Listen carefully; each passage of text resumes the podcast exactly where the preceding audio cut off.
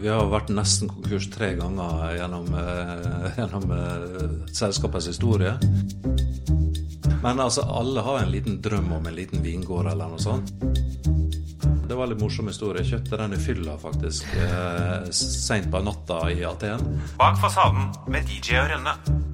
En podkast fra Estate Media. Velkommen til deg, Tor Bjørdal. Du er eier av Colliers International. Ja. Tor, hvor viktig er familie for deg? Nei, det er jo det viktigste. Altså, jeg er jo en uh, litt sånn typisk uh, sånn familiebløt uh, person. Så jeg er kanskje ikke så bløt på kontoret, jeg er kanskje det der også. Men jeg er en typisk sånn person som barna vrir litt rundt lillefingeren.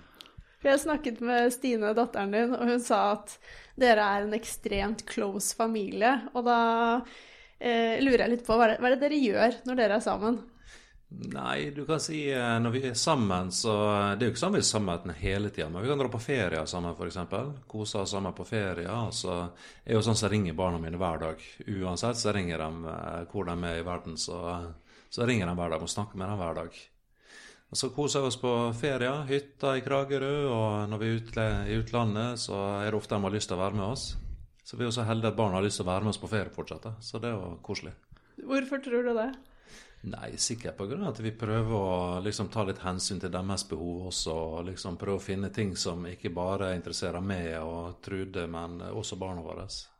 Men du venter kanskje en liten melding eh, ja. fra datteren din i dag? Ja, jeg gjør det. Hun eh, skal jo kanskje føde i dag, da. I dag eller i morgen, tenker jeg eh, det blir. Så det gleder vi oss veldig til. Besteforeldre for første gang. Det er litt av jente. Spennende. Du, du, sa fra deg sjefsjobben i Collier International for å drive med syndikering. Ja. Eh, for et uh, års tid siden, var det vel? Ja. Eh, hvorfor det? Nei, du kan si nå har jeg jobba i dette selskapet i 30 år.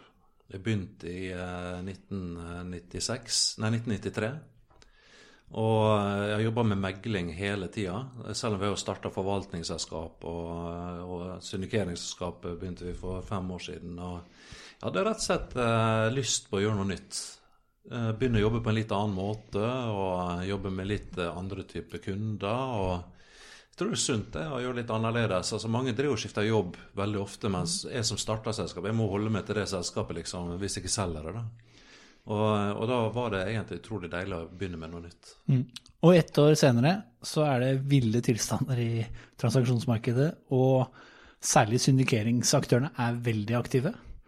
Var det noe du så, eller? Nei, altså når vi begynte med syndikering for fem år siden, så var det helt tilfeldig.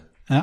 Vi skulle egentlig ut og ansette to stykker til meglerselskapet, og så eh, ville ikke de begynne å jobbe i meglerselskapet. Og så foreslo headhunteren kanskje vi skal starte et nytt selskap, og ja, da gjør vi det, sa jeg. Sånn begynte vi med syndikering. Det var helt tilfeldig. Og, og, så har det vokst. Vi har jo dobla omsetninga vår hvert eneste år siden vi begynte. Så i fjor så klarte vi å runde 100 millioner, så det var jeg veldig fornøyd med. Mm. Hvor um, Det har jo svingt ganske godt i eiendomsbransjen. Altså, du har holdt på i 30 år. Du har sikkert vært med på heftige opp- og nedturer. Uh, men hvordan var det å holde på med dette under uh, finanskrisen?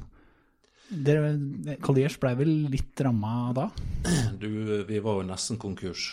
Uh, vi har vært nesten konkurs tre ganger gjennom, uh, gjennom uh, selskapets historie. Og den tøffeste var finanskrisa, for det, da var det virkelig helsvart. Altså, ingen banker ville finansiere eiendomskjøp.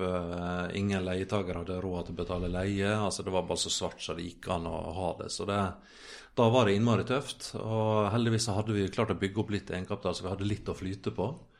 Men det var bare å kutte kostnader og liksom ta de tøffe grepene man måtte gjøre for å overleve. Men hva tenker du da når du liksom sånn Når du nesten er konkurs? Da tenker du at jeg håper penger til å betale lønning i neste måned. Det er så, det er så ille? Så ille er det. Brekkhus advokatfirma rådgir norske og internasjonale kunder innen en rekke sektorer. Våre eiendomsadvokater kjenner eiendomsbransjens muligheter og utfordringer, og bistår ulike aktører i utviklingsprosjekter, transaksjoner, megling, utleie og tvisteløsning. Vil du høre mer? Kontakt oss på post at breikhus.no. Vi har jo hørt at du er en stor drømmer og visjonær. Og hva er det du drømmer om? Altså, jeg drømmer jo hele tida om å prøve å gjøre livet litt bedre, da. Og liksom eh, ha det hyggelig med folk rundt meg. Være sammen med vennene mine litt mer. Og ja, være sammen med familien mer. Jeg vil alltid ha mer familie. Eh, så, så eh, jeg drømmer egentlig hele tida om å, å eh, utvikle meg og, og få livet til å være bra. Og så har jeg også hørt uh, snakk om en vingård. Er det noe du drømmer om? Jeg er veldig glad i å drikke vin, men jeg vet ikke om jeg har lyst til å trakke, trakke vin, for å si det sånn. men altså, alle har en liten drøm om en liten vingård eller noe sånt. Og jeg kjenner jo noen venner som har realisert den drømmen, og det virker som det er et godt liv, det, liksom. Men jeg tror det er viktig å da ha en vingård som er sånn at du ikke er avhengig av å leve av den, liksom. Det må være som en liten hobbyprosjekt, tror jeg. Eh, apropos hobbyprosjekt. Eh, jeg har hørt at du også er en hobbykokk og veldig glad i å lage mat. Ja. Eh, jeg er en av dem som kan like å stå og lage mat i tre-fire timer og liksom virkelig prøve å få laga ordentlig god mat. Eh, det, det, gir meg ganske mye glede, egentlig. Også, spesielt hvis du lykkes. da. Hvis du ikke lykkes, så er det ikke noe morsomt. Men eh, hvis du lykkes, er det veldig morsomt. Men hva er det du lager da når du skal virkelig imponere? Jeg lager gjerne mat som er litt sånn mat som tar litt tid å lage. da, altså sånn Mer sånn tradisjonell mat. Uh, jeg liker liksom uh, ting som du må forberede litt, gjerne ting med litt sauser. og Det er sånn typisk sånn ja, gammeldags mat, eller litt franskinspirert mat, kan du si. Er du glad i Frankrike? Ja, jeg er glad i Frankrike og har vært veldig mye i Frankrike opp gjennom åra. Og, og, og, vil alltid like Frankrike, men vi har jo snakka litt etter hvert om at det, det finnes jo andre plasser som også er veldig interessant. Og vi har jo kjøpt ei leilighet i Spania bl.a., sånn at vi, vi, vil nok bruke mer tid i Spania fremover, tror jeg også. Du har jo vært veldig glad i MIPIM, i hvert fall. Ja, jeg har vært veldig glad i Mipim, men nå er jeg litt lei av Mipim. Ja. Altså, Jeg føler vel egentlig at jeg, altså Det var snakk om vi skulle dra ned i år, og da, da hadde jeg ikke lyst til å dra. For det første var det for mye begrensninger og for mye problemer og sånn, så det, det gidda jeg ikke. Og så er jeg litt lei av at denne organisasjonen Read Meedem som driver Mipim, at de utnytter oss som er der for mye, syns jeg. Det blir for dyrt, og det blir for dårlig og vanskelig å bo. og så, så jeg har vel egentlig kommet der at jeg begynner å bli litt metta på Mipim. Tror du det er flere som deg? Ja, det tror jeg. Det er mange jeg snakker med som føler, føler det på samme vis. Og, altså Det er masse positivt med å møte seg sosiale lag på MIPIM og alt med sånt, men, men, men jeg tror MIPIM kanskje har blitt litt for stor for Cannes. At uh, den messa hadde hatt godt av å være i en litt større by. Hvor mange nordmenn er det som har vært på det meste? Hvor mange nordmenn har vært nede på den eiendomsmessa i MIPIM? Jeg kan tenke meg at på det meste så har det nok vært et par tusen, tenker jeg. Og det er 20 000-25 000 der totalt, eller Ja. er det mer òg? Ja. Men veldig mye av de nordmenn som er der nede, er ikke registrert på messa. Nei. Altså Det er veldig mange som drar ned dit, og så leier de seg en leilighet. Eller, for du får jo ikke bo på hotell hvis ikke du er registrert på messa. Men, men, eh, men jeg vil jo tro at eh, minst eh, 70% av de nordmenn som er der, er ikke registrert på messa. Men du, du virker alltid som du er i godt humør når jeg treffer deg. Eh, er du lykkelig? Det er veldig sjelden at jeg er ulykkelig.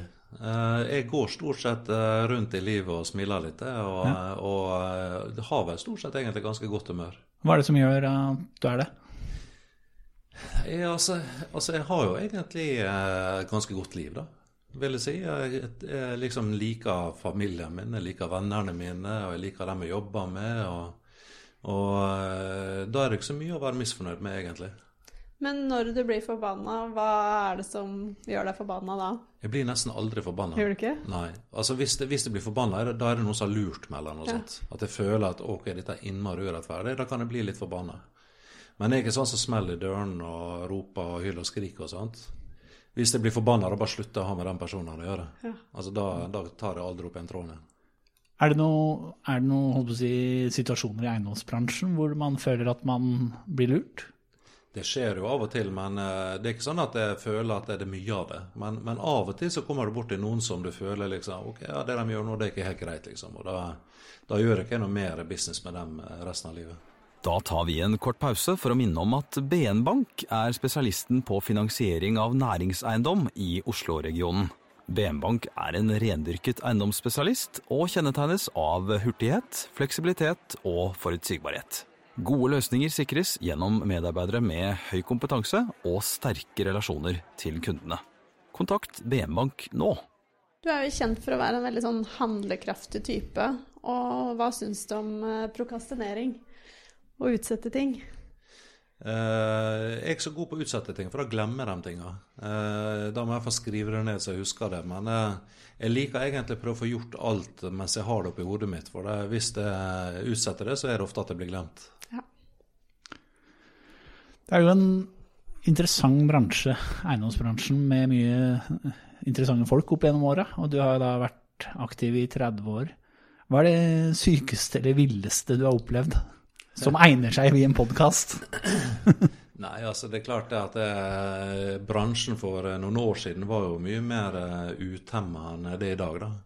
Og det er klart det har vært mange morsomme fester og, og morsomme episoder både i utlandet og, og, i Norge for så vidt. Og vi har truffet masse spennende mennesker og sånt opp gjennom tida. Så det, det, men det er så mye ville greier. altså vi har jo hatt, uh, hatt uh, sikkert noen lunsjer og sånt som, uh, som har vært litt dyre og, og, sånt, da, men, men det har ikke vært så mye sånn ville ting, føler jeg egentlig. Men fra du begynte å jobbe med eiendom og frem til nå, hva er det du tenker har forandret seg mest på den tiden? At bransjen er mye mer profesjonalisert. Altså For 10-15 år siden så var det ingen som visste hva due diligence var for noe. Eh, det begynte vi å jobbe med pga. de utenlandske investorene vi jobba med. Så når vi begynte med due diligence-prosesser, sånn, så var det ingen som visste hva det var. Eh, så det at bransjen har blitt mye mer profesjonalisert, det er det ingen tvil om. Du kan si skulle vi begynt sånn som vi begynte når jeg begynte selskapet i dag, så hadde ikke vi overlevd et år engang. Altså, det, det, er, det er, noe helt annet i dag. Men er det, er det sånn å forstå at utenlandske investorer aldri rakk å komme inn i noen budgivninger, fordi det allerede var solgt før de rakk å gjennomføre due diligence? Kanskje ikke så mye før uh, Altså, jeg jobba jo ti år med utlendinger før det ble en deal. Altså, ja. det, det, er det dummeste jeg har egentlig gjort sånn sett. Da. Men eh, hvorfor, hvorfor, tok det så lang tid? Altså, det, det, Vi brukte veldig lang tid å overbevise utenlandske investorer på at Norge var et interessant marked. Eh, at det var muligheter. altså Alle har jo sett på Norge som et sånt innavla marked hvor uh, stort sett bare norske investorer har agert. Uh, så kan du si for kanskje 15 år siden, så begynte, eller kanskje 17-18 år siden så begynte det å snu. At det, man begynte å si at man kan faktisk gjøre dealer i Norge, og man kan til og med gjøre litt gode dealer i Norge. Og da begynte utlendingene å gjøre litt i Norge. Men du kan si det har aldri vært sånn at de har gjort mer enn 5-6% av transaksjonene. Mm. Men jeg begynte jo altfor tidlig. Altså når jeg begynte å jobbe mot utenlandske investorer, så var de ikke motiverte i det hele tatt. Så jeg brukte ti år på å overbevise dem om å komme og besøke meg i Norge, liksom. Og, og så ble det kanskje noen deal etter det. Her hører du noen av de 3500 ansatte som jobber i For Service. Menneskene er vår viktigste ressurs og suksessfaktor. Så når For Service er opptatt av bærekraft, handler det også om den sosiale delen menneskene. Gjennom rekruttering, nye arbeidsplasser, kompetanseheving og riktige samarbeidspartnere jobber For Service for å gi muligheter til mennesker. Også de som i dag står utenfor. Alle må starte et sted. Les mer på forservice.no. Du har en farm i Sør-Afrika, ikke sant? Nei, det er ikke farm. Jeg er medeier sammen med noen andre i en game lodge eh, som ligger i et naturreservat i Sør-Afrika, helt på grensa til Botswana. Og Der eh, kjører vi rundt og tar bilder av dyr og ser på dyr og, og sånt. Så eh, det er sånn, en av de plassene Jeg tror jeg kjøpte den plassen eh, Det var en litt morsom historie. Jeg kjøpte den i fylla, faktisk, eh, seint på natta i Aten. Så kjøpte jeg den andelen der av en, eh, en som eh, jobba i college, eller eide college i Sør-Afrika. Så våkna dagen etterpå og lurte på liksom, var det et eller annet jeg kjøpte i går kveld. Og det var jo det var den lodgen. og da hadde du aldri vært i Sør-Afrika før? Den ble kjøpt usett. Ja. Så, så uh, dro vi ned da og fant ut at jo, det var bra, for det var en fin plass. Hvor ofte er du der? Prøver å være der uh, i hvert fall én gang i året, jeg og Trude. Og så bruker barna mine å være der kanskje en gang i året også. Men Fortell litt mer eh, om det stedet. Det er, en, eh, det er en, fantastisk deilig plass. Eh, vi, eh, vi, er så heldige at vi deler den med 12-13 andre, ellers har vi aldri hatt råd til å ha det. For der nede er det fem ansatte som jobber fulltid. Og vi, det er en ganske romslig, fin plass. Hvor der er alle dyr du kan tenke deg. Big five. Vi har 550 elefanter, blant annet. Oi. Og den nest største samlinga med neshorn i hele Afrika. Eh, Så det er, en, det er en ordentlig flott plass. Og når jeg er der nede, så senker man skuldrene og bare nyter og ser på naturen og ser på dyra og spiser god drikke, eh, spiser god mat og drikker god drikke. Eh, Så, så, så det er liksom, når du er der nede, så er det egentlig bare å nyte. Og, og det gjør vi i hvert fall en gang i året. Er du glad i naturen? Veldig glad i naturen. Eh, og jeg syns det er veldig spennende å være i naturen og se dyreliv der nede som er helt annerledes enn det vi er vant til i Norge. Det er jo spennende. Plutselig kan du se en slange, ikke sant. Og plutselig kan ei løve komme rett forbi deg når du sitter i bilen. Da er det trygt å sitte, sitte der. Elefanter kan springe etter deg og jage deg liksom når du kjører i full fart vekk fra et område. Nei, så det, det er mye spennende der nede. Hvis du skulle valgt et helt annet yrke eller gjort noe helt annet nå, hva hadde det blitt? Ja, altså det, det er veldig vanskelig å si, for jeg ville ikke gjort noe annet. Altså Mitt, eh, mitt yrke og det jeg har liksom alltid vært mest glad å jobbe med, det er eiendom. Eh, og skulle jobbe med noe annet enn en eiendom, så vet jeg ikke. Kanskje noe innen reiseliv eller noe sånt. Men hvorfor er du så glad i eiendom? Eh, det er en veldig liten bransje. Eh, Du kjenner veldig mange av eh, aktørene. Eh, Det er en bransje med egentlig veldig mye hyggelige folk. Stort sett så blir man aldri lurt. Det er en bransje som, som man kan leve godt av. Eh, Og, og, men det viktigste er egentlig at det, det er så liten bransje at du kjenner egentlig nesten hele bransjen. I hvert fall når du holdt på så lenge som jeg har gjort, så, så blir det til at man kjenner ganske mange. Tenker du at eh, døtrene dine skal ta over etter deg? Nei, eh, ikke nødvendigvis, men begge to jobber i eiendom, da. Så, så, så de kommer helt sikkert til å jobbe med eiendom på en eller annen måte. Men, men det er ikke sånn at jeg tenker at jo, de må nødvendigvis ta over et selskap eller noe sånt. Eh, Men om det skulle skje, så hadde det vært hyggelig, det. Men, men det er ikke sånn at det er et mål i seg selv. Hvem ser du mest opp til i eiendomsbransjen? Det er jo mange flinke folk i vår eiendomsbransje. Og, og eh, du har jo personer som Ivar Tollefsen, Edgar Haugen, Kristian Ringnes og Olav Thon og sånn som har lykkes utrolig godt.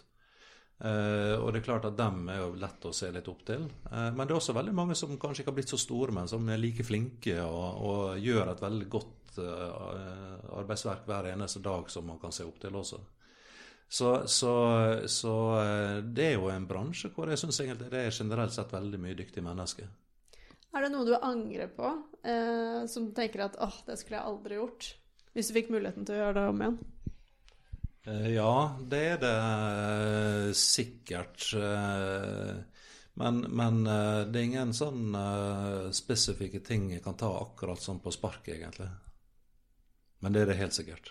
Det er gjort masse feil opp gjennom livet. altså. Men det høres ut som du gleder deg til jobb hver dag.